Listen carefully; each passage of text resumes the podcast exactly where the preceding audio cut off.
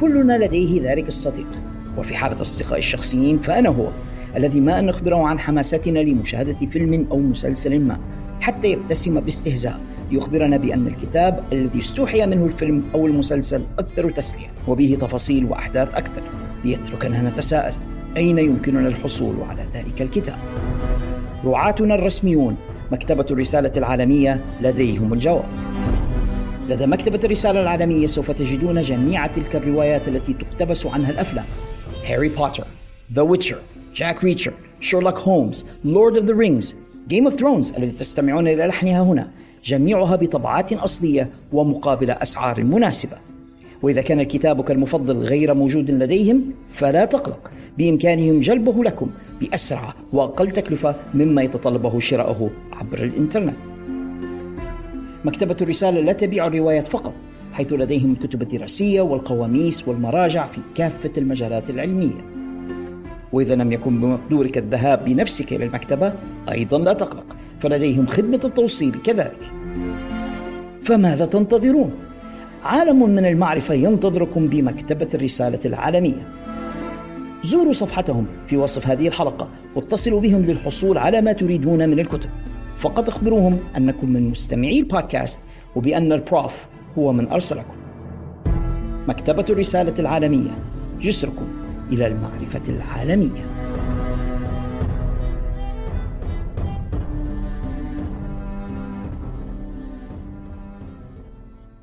أنا The Prof علاء الشريف. ومعي The Phenomenal خالد الشريف. وهذا بودكاست بعد الجرس نسخة آلة الزمن. التي سوف نراجع فيها عرض سلامافرسري لسنة 2012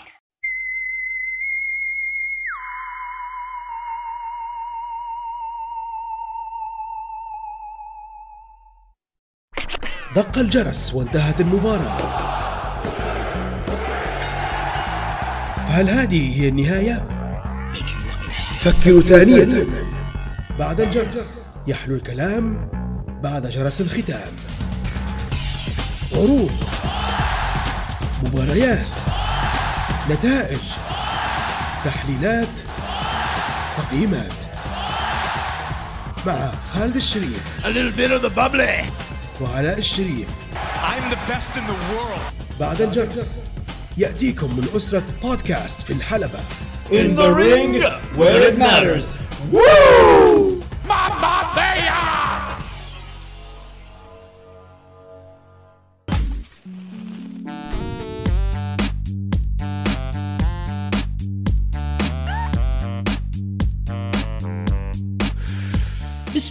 الرحمن الرحيم. أعزائي المستمعين في كل مكان السلام عليكم ورحمة الله وبركاته وأهلا وسهلا بكم إلى حلقة جديدة من بودكاست بعد الجرس حيث يحلو الكلام. بعد جرس الختام. معكم محدثكم The Prof علاء الشريف ويلتحق بي في هذه الحلقة صديقي وصديقكم The Phenomenal خالد الشريف. خالد كيف حالك اليوم؟ بخير ولله الحمد. How are you today? الحمد لله رب العالمين. الحمد لله. أسبوع كبير يا خالد في صناعة المحتوى من خارج الصندوق للانتاج الإعلامي. Indeed. هلبة حلقات وما زال عندنا حلقات متراكمة علينا. ويا إن شاء الله ربي يسهل لنا وإن شاء الله يكونوا جمهورنا مستمتعين بما نقدمه إليهم. نرحب بهم جميعا سواء كان يسمعوا فينا عبر Anchor dot FM والمنصات المتعددة أو يسمعوا فينا عبر قناتنا على يوتيوب. فحيثما كنتم في أرجاء هذا العالم الفسيح مرحبا بكم جميعا فردا فردا. welcome خالد عالم المصارعة هذه الأيام برغم كثرة العروض وبرغم تراكم العروض إلا أنها مش زي عروض زمان. لا طبعا كل حاجة زمان تكون أفضل ومستواها أحسن وفيها حتى صدق في أدائهم أكثر من اللي توه. الحق يا خالد بعض الناس لما يفدوا من المصارعة أو يتعبوا من المصارعة يبطلوا ما عادش يتفرجوا. أنا وأنت عندنا طريقة تانية. لما نعيوا من اللي موجود نهربوا إلى الماضي ونشوفوا حاجات من الزمن الجميل ونحاولوا نغيروا البنة الكريهة اللي أحيانا بعض العروض تترك فيها في أفواهنا. والجميل في الفترة هذه زي العرض هذا سلام فيرسري 2012 تتفرج عليه وتحس في روحك كأنك في الزمن هواه يعني ما فيش هذاك الاختلاف لا في البرودكشن فاليو وهل ناس من اللي صاروا في هذاك الوقت ما زالوا يصاروا اليوم؟ ف فيوز نوستالجيك وفي الوقت نفسه تحس بريزنت هو أنا ممكن نختلف معك شوية مش بس البرودكشن فاليوز مش أقل البرودكشن فاليوز أعلى زمان من توا صحيح، مستوى. المصارعة زمان أعلى من توا بالنسبة مزبوط. لامباكت رسلينج مزبوط مزبوط فالسبب يا خالد اللي حنتكلموا على هذا العرض تحديدا من جهة لأننا الآن في موسم Slammiversary. بالنسبة ل Impact Wrestling هم مقبلون الآن على عرضهم الكبير. Slammiversary وقناتهم على يوتيوب قاعدين يطرحوا في نسخ قديمة من Slammiversary ويحطوا فيها مجانا على القناة. أنا سوف أتشارك مع أعزائنا المستمعين في وصف هذه الحلقة رابط إلى النسخة التي سوف نتكلم عنها الآن بحيث إنه بإمكانهم إنهم يشاهدوا النسخة اللي موجودة على يوتيوب بالمجان ويستمعوا إلى تعليقنا نحن على ذلك الحدث اللي يعني وياك تفرجنا عليه من من قليل فقط واستمتعنا به كثيرا وبصراحة أكثر من جميع العروض الحالية. يعني أحسن من Night of Champions وأحسن من Double or Nothing حقيقة لما الواحد يشوف مستوى المصارعة من 10 و11 سنة يتحسر على ما آل إليه الوضع اليوم. على كل حال يا خالد بعد هذه المقدمة السريعة. خلينا نجهزوا آلة الزمن الخاصة بنا لنعود إلى سنة 2012 وتحديدا تاريخ العاشر من يونيو لتلك السنة. المكان أرلينغتون تكساس تحديدا The College Park Center. هيا بنا معا إلى هناك. Let's get it on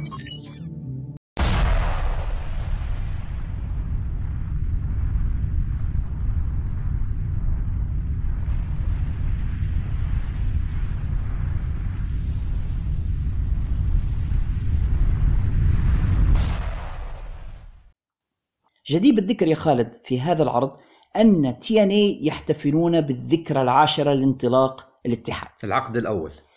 تخيل هذا الاتحاد اللي الناس أول ما طلع قالوا إنه مش حيستمر حتى ستة أسابيع. فإذ بهم استمروا ستة أشهر وبعدين ست سنوات والآن يحتفلون بالذكرى العاشرة لانطلاق الاتحاد الاتحاد الذي شهد الكثير من التقلبات وجوههم نجوم كبار على مدار السنوات الآن يحسوا أن بالفعل من حقهم أن يحتفلوا بهذه الذكرى الكبيرة بالنسبة لهم. لعل اللي كان يطلق في الدعوة التافهة متاع انهم هم مش حيستمروا أكثر من ستة أسابيع ممكن كبيرهم هو ملتزر. ملتزر بالعاني قلت هيك. أنا تكلمت على ملصر كثيرا في الحلقة الماضية من بودكاست في الحلبة وبين مقدور جمهورنا العودة إلى تلك الحلقة لسماع ما قلته عنه وملصر بالفعل واحد من الناس اللي سمموا الأجواء ضد تياني في فترة من الفترات وخلى الناس تزهد في ذلك الاتحاد ويحسوا أنه هو اتحاد دون المستوى. بينما الحقيقة لما تشوف ما يقدمه TNA حتى إلى يومنا هذا في صورتهم الحالية Impact Wrestling أفضل بكثير مما يقدم في الاتحادات الأخرى في وجهة نظري على الأقل. في تلك المرحلة كانوا on the top، كان عندهم كل شيء، نجوم كبار أساطير جايين من WWF سابقا أو WWE زي هولك هوجن، زي كورت انجل، زي The Dudley Boyz، كريستيان زارهم في هذا العرض، يعني عندنا مجموعة من الأساطير من دبليو دبليو اي، دبليو سي دبليو، ستينج، بالإضافة إلى ال home grown talent أو المواهب والنجوم الذين نشأوا في كنف هذا الاتحاد، فعندك مزيج كويس جدا.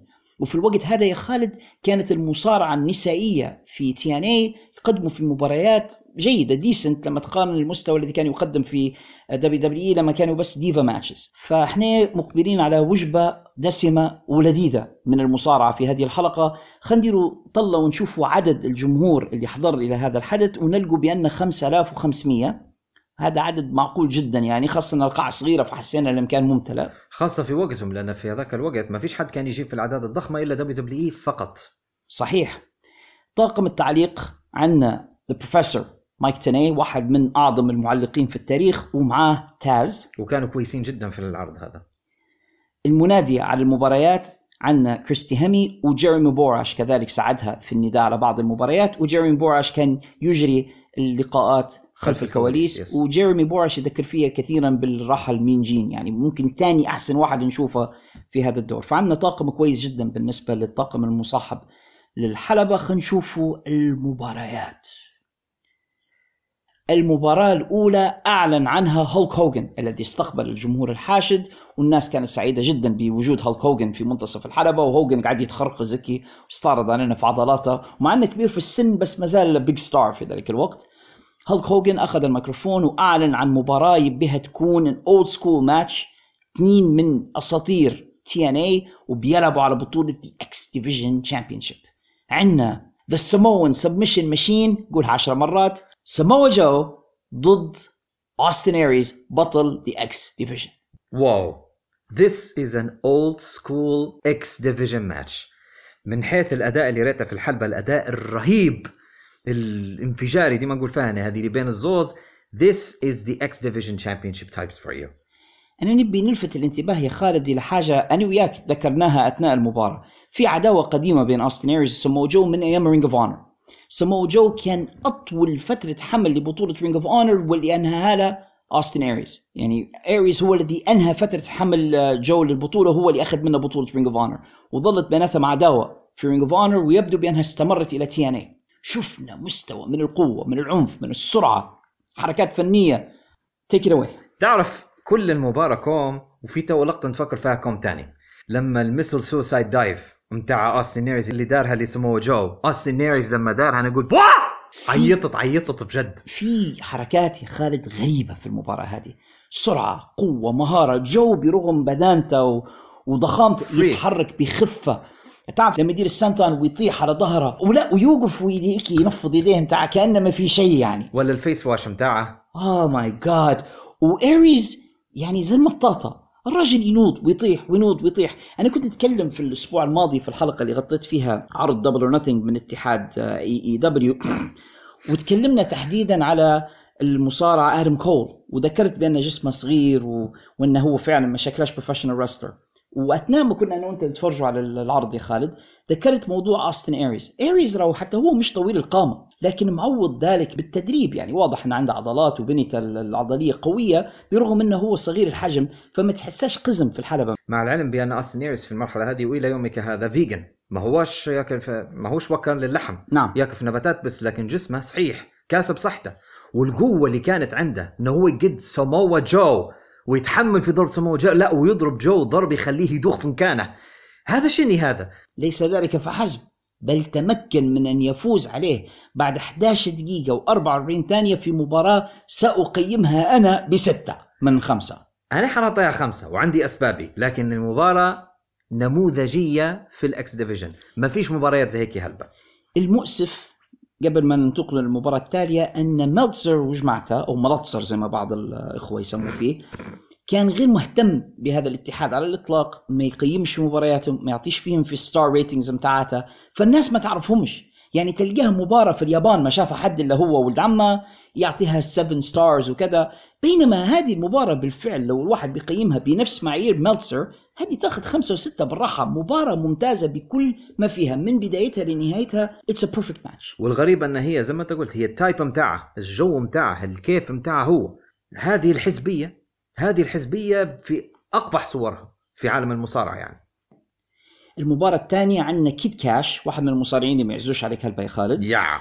ضد هرنانديز سوبر ماكس بالنسبة لبيج هرنانديز الناس ربما يتفكروا فيه من عصابة LAX لما كان يخش مع هامسايد big guy هو طويل ضخم عضلات لكن حيفاجئنا في هذه المباراة بحركات يدير فيها مخيفة. كيد كاش مصارع قصير. أنا أذكر فيه لو كان يعني راندي أورتن تم ضغطه إلى أسفل. تخيلوا لو راندي أورتن واحد دار له piledriver وانضغطك درفل. compressing يعني. هو كي شوية ملامح وجهه تذكر فيها براندي أورتن بس قصير. ويذكر فيه حتى بإلمر فد هذاك الاصلع اللي اللي يبي يجي في I'm hunting for rabbit هذاك. مباراة قصيرة يا خالد خمسة دقائق 52 ثانية ممكن أميز ما فيها القفزات اللي فيها هرنانديز. يخوف. يخوف. هيز فريك يا رجل. القفزات اللي يدير فيها يا خالد مخيفة. أنا ما بيش نتعب نفسي كثيرا في الوصف لأني عارف أن أصدقائنا حيمشوا للرابط اللي في الوصف وحيشوفوا المباراة بأنفسهم. بس نبي نقول لكم أن لما تشوف شخص بحجم هرنانديز بطولة بضخامته وبعدين ينقز ذيك القفزات اللي يدير فيهم كيني أوميجا اليوم من وسط الحلبة فوق الحبل الثالث إلى الخارج يضرب خصمه ويطيح على رجليه ويدير rebounds ويرجع تاني داخل الحلبة تخوف هو صح مش بالضبط هيك لأنه هرنانديز لما دارها صح كان نقز من ترامبولين. لكن لأنه هو ضخم الجثة وطريقة نقزته خطيرة شوية أو هلبة زي نقزة دي اندرتيكر فهو مش من الأول ناض على رجليه. لكن still واحد بطول وعرض هرنانديز شيء زي هذا هذا نادر. المنطق فرض نفسه في هذه المباراة هرنانديز فاز على كيد كاش. كيد كاش يعني حاول شوية لكن في الأخير خلاص يعني الضخامة تغلب الشجاعة. انتهت المباراة في 5 دقائق 52 ثانية بفوز هرنانديز في مباراة سأقيمها أنا ب 3 و75 نفس الشيء 3 و75 مش سيء المباراة على الإطلاق. ننتقل للمباراة التالية اللي غريبة شوية. أنا ما فهمتش بالضبط ال dynamics بتاعت الفرق في البداية. وبعدين فهمت إن it's tag team match ربما إني ناسي ال build up ناسي القصة كيف كانت لكن عندنا ديفون النصف الثاني من فريق تيم 3 دي أو ذا دادلي بويز اللي هو أخ بولي راي سابقا مع جاريت بيشوف جاريت بيشوف اللي هو ابن إيريك بيشوف ويبدو بأن جاريت كان جزء من صفقة أبيه إيريك باش يجي لاتحاد تي ان اي جاريت شكله معقول ك professional wrestler لا وحتى يبان إنسان كويس لولا أوشامه بس. يعني he looks okay يعني في الأخير شكله wrestler لما تشوفه مش مش آدم كول.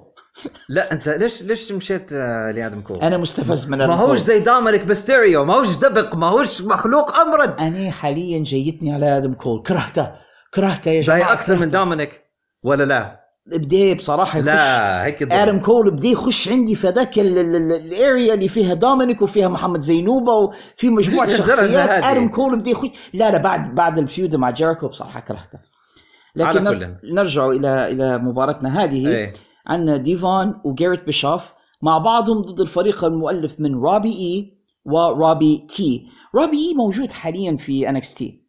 الآن manager لبعض المصارعين غادي يسموا فيه روبرت ستون أو حاجة زي هيك وروبي تي هذا آه، روب تيري مصارع أسترالي أعتقد هو مش إنجليزي. أسترالي أو اسكتلندي مهم من بريطانيا. واحد من الناس اللي يقولوا mate يقولوا mate ويقولوا lad ويقولوا المهم big guy ضخم عملاق مخيف لكن ما يعرفش يصارع. وما يتكلمش هلبة.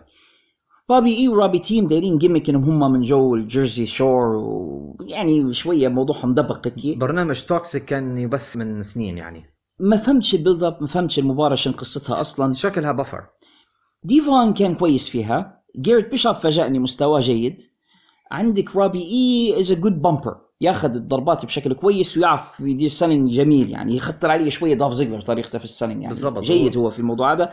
اللي كان خارج ال- ال- الثيم بصراحة كله روبي تي. روبي تي ماليش مكان وسط الحلبة بصراحة. true لكن روب تيري يعرف ال posing عارف شكله هيك بتاع منظر يخوف وشبحاته المرعبة. هيك يعني تنويع شوية. ألتيمت وورير واحد شكله مليح لكن ما يعرفش يصارع.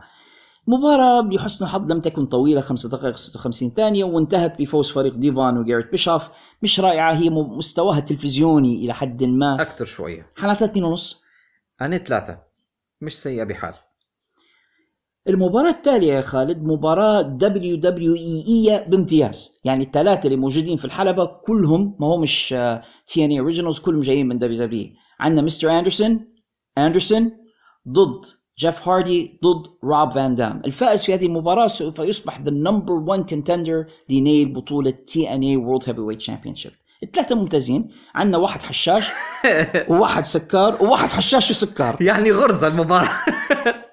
أندرسون معروف إنه هو عنده مشاكل في تعاطي الخمور بعدين حتى طرد من عالم المصارعة بسبب ذلك. روب فان دام أكبر حشاش في العالم بعد سنوب وجيف هاردي الاثنين يشرب ويتعاطى الزوز. فما شاء الله يعني زي ما قلت أنت غرزة. يا للهول. على كل حال آه، مباراة قوية ما بين الثلاثة. شفنا فيها حركات فنية رهيبة جدا خاصة من فان دام. فان دام شجاعة منها صح. هو مش شجاعة هو بيدش على روحه. في واحدة من اللقطات اللي تفكر فيها جيبي أساس بيدير الفراك سباش بتاع عليهم الاثنين هم الاثنين منه. يتحركوا وهو طاح على بطنه. مؤلمة جدا انك ما أعتقدش حسها لأنه هو طبعا he's high جيف هاردي حتى هو مرة مرة يدير حركة مجنونة.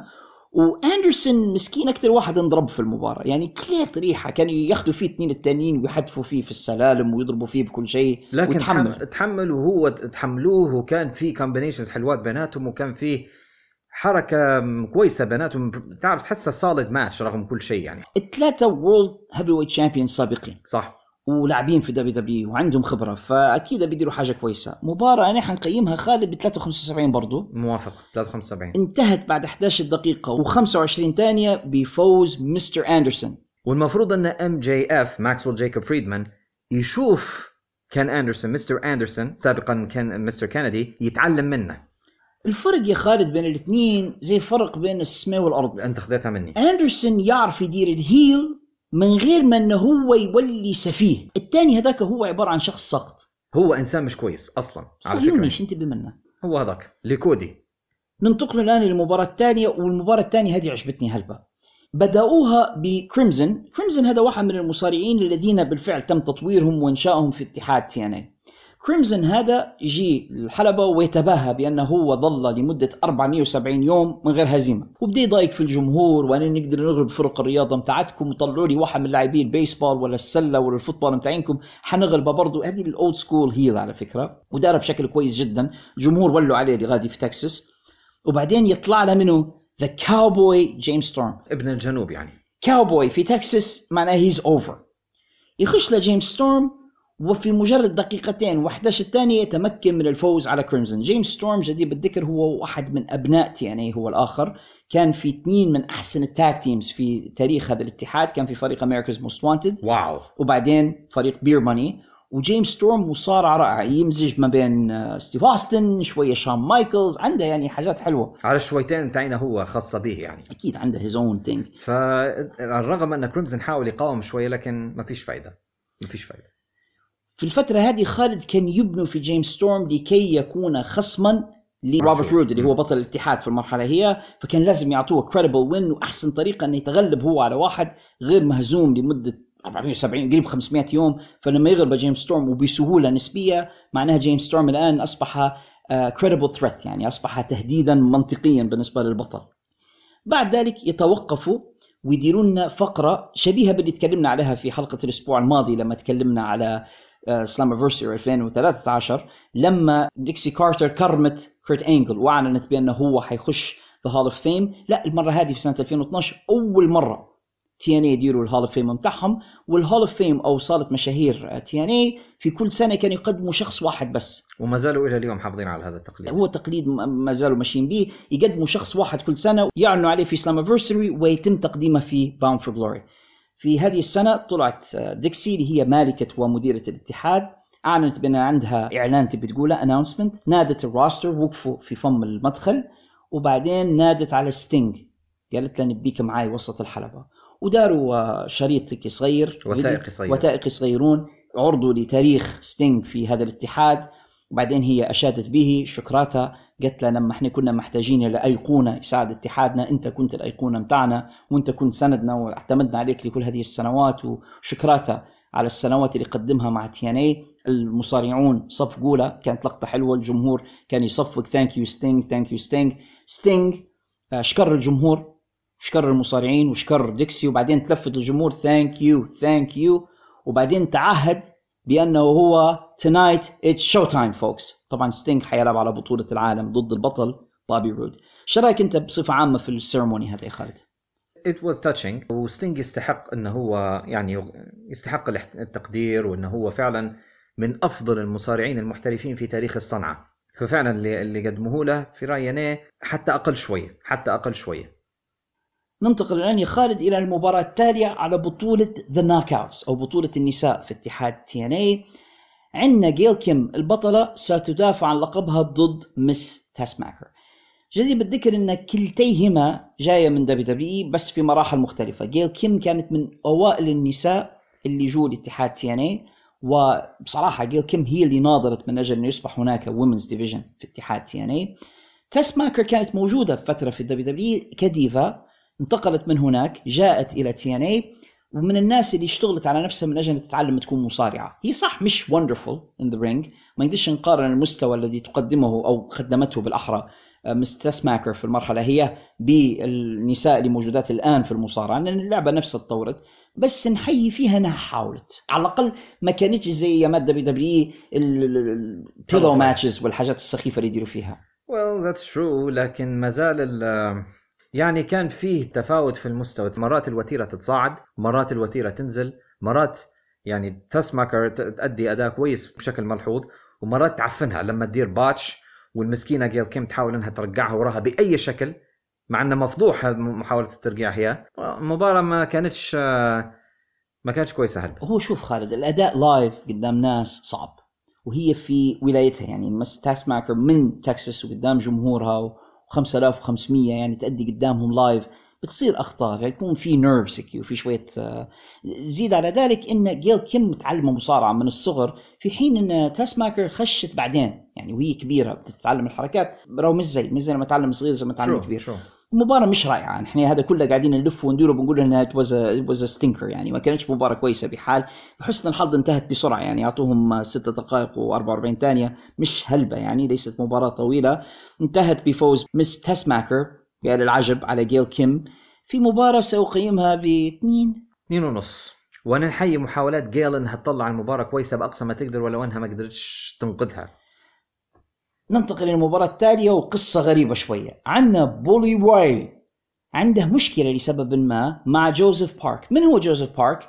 جوزيف بارك بين قوسين هو أخو the Monster Abyss على أساس أن أبيس اسمه الحقيقي كريس بارك وعنده أخوه يا سبحان الله اسمه جوزيف بارك شكله زيه بالضبط. بس أخوه محامي من شيكاغو وطيب ومؤدب ومش بتاع مشاكل ضخم صح طول في عرض وكذا لكن مش بتاع مشاكل. خواف. وما يحبش المشاكل وهو خواف زي ما قلت أنت.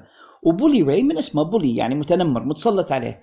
فمرة اثنين ثلاثة يضايق فيه يشاكس فيه كذا وين خوك؟ هو كله يتحدى فيه يبي خوه كريس يجي. فبعد يعني أشهر من هذه المضايقات أخيرا جوزيف بارك قبل تحدي Bully Ray فسيتواجهان في هذه المباراة.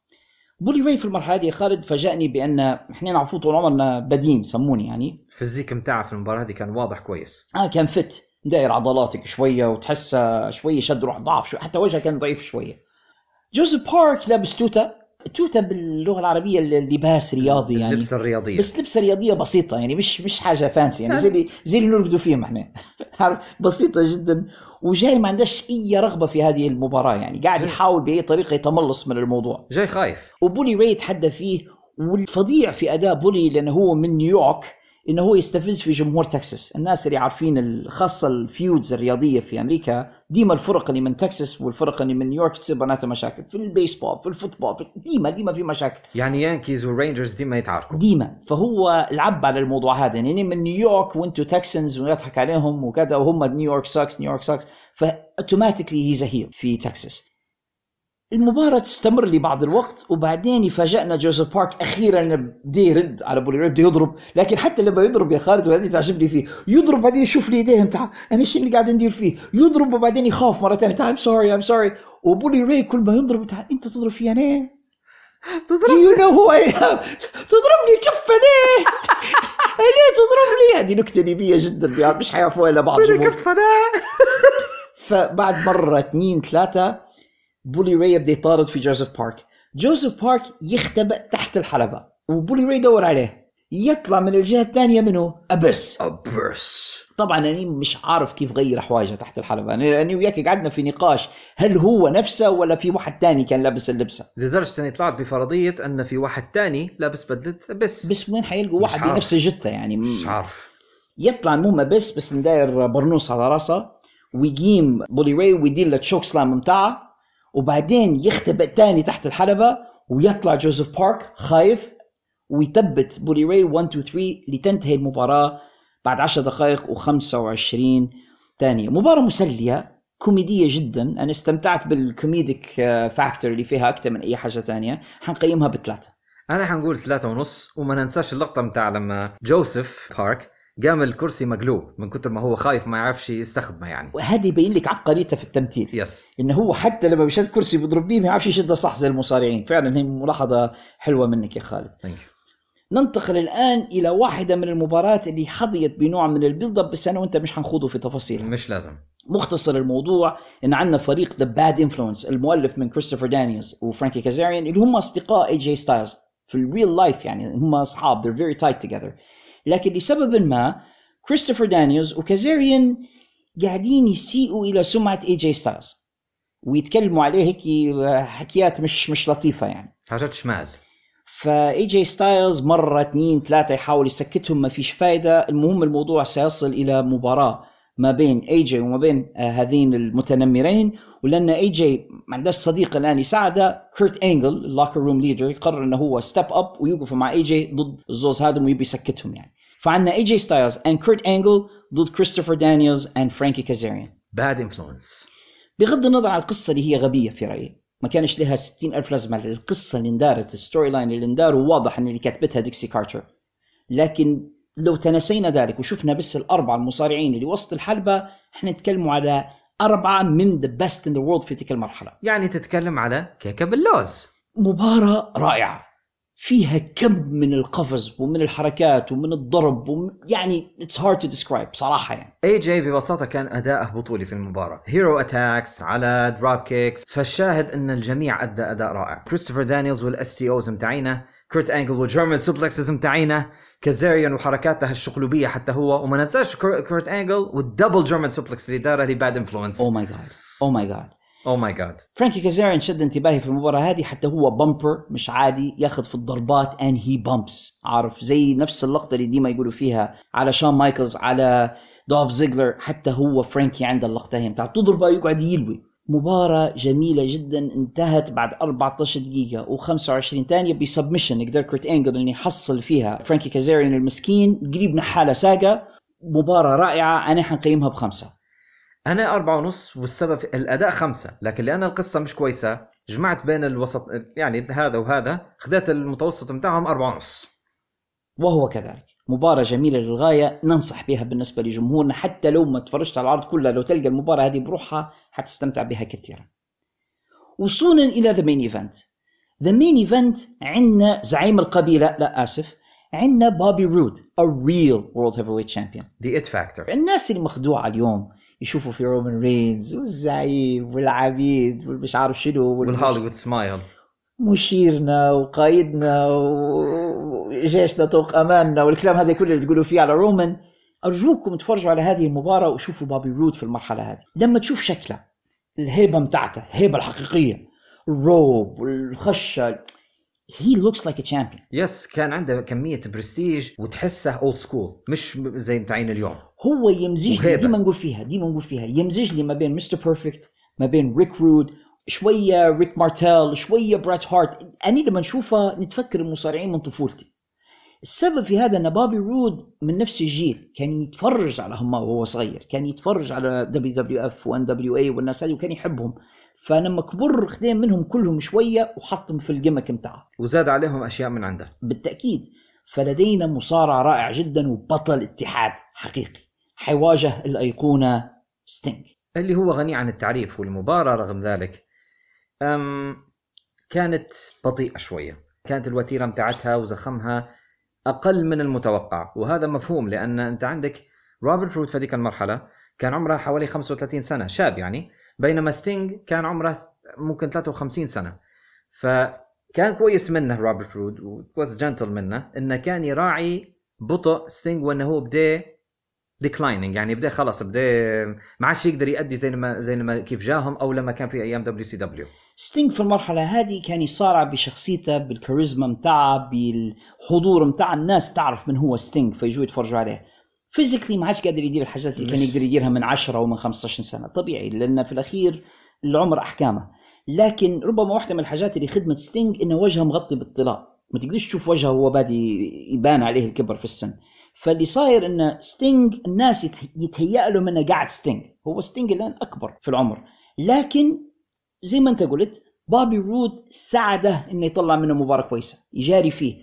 ستينج كان بطيء بعض الشيء. نلاحظوا أن ستينج كان يصارع حتى في تي شيرت يعني ما يبيش يوري جسمه لأنه مش زي زمان.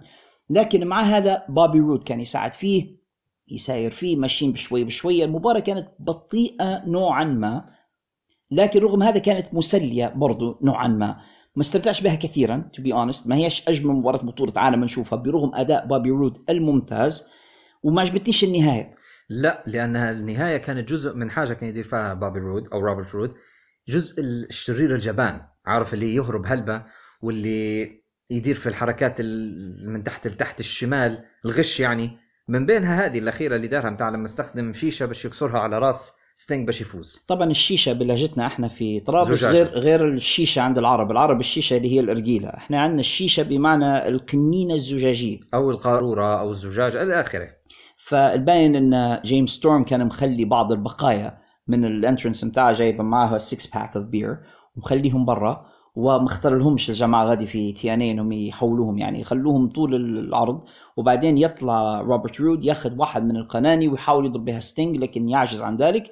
يلتقط القنينة الأخرى ويحطمها على راس ستينج طبعا أنا متأكد إن هذا candy glass مش الزجاج الحقيقي.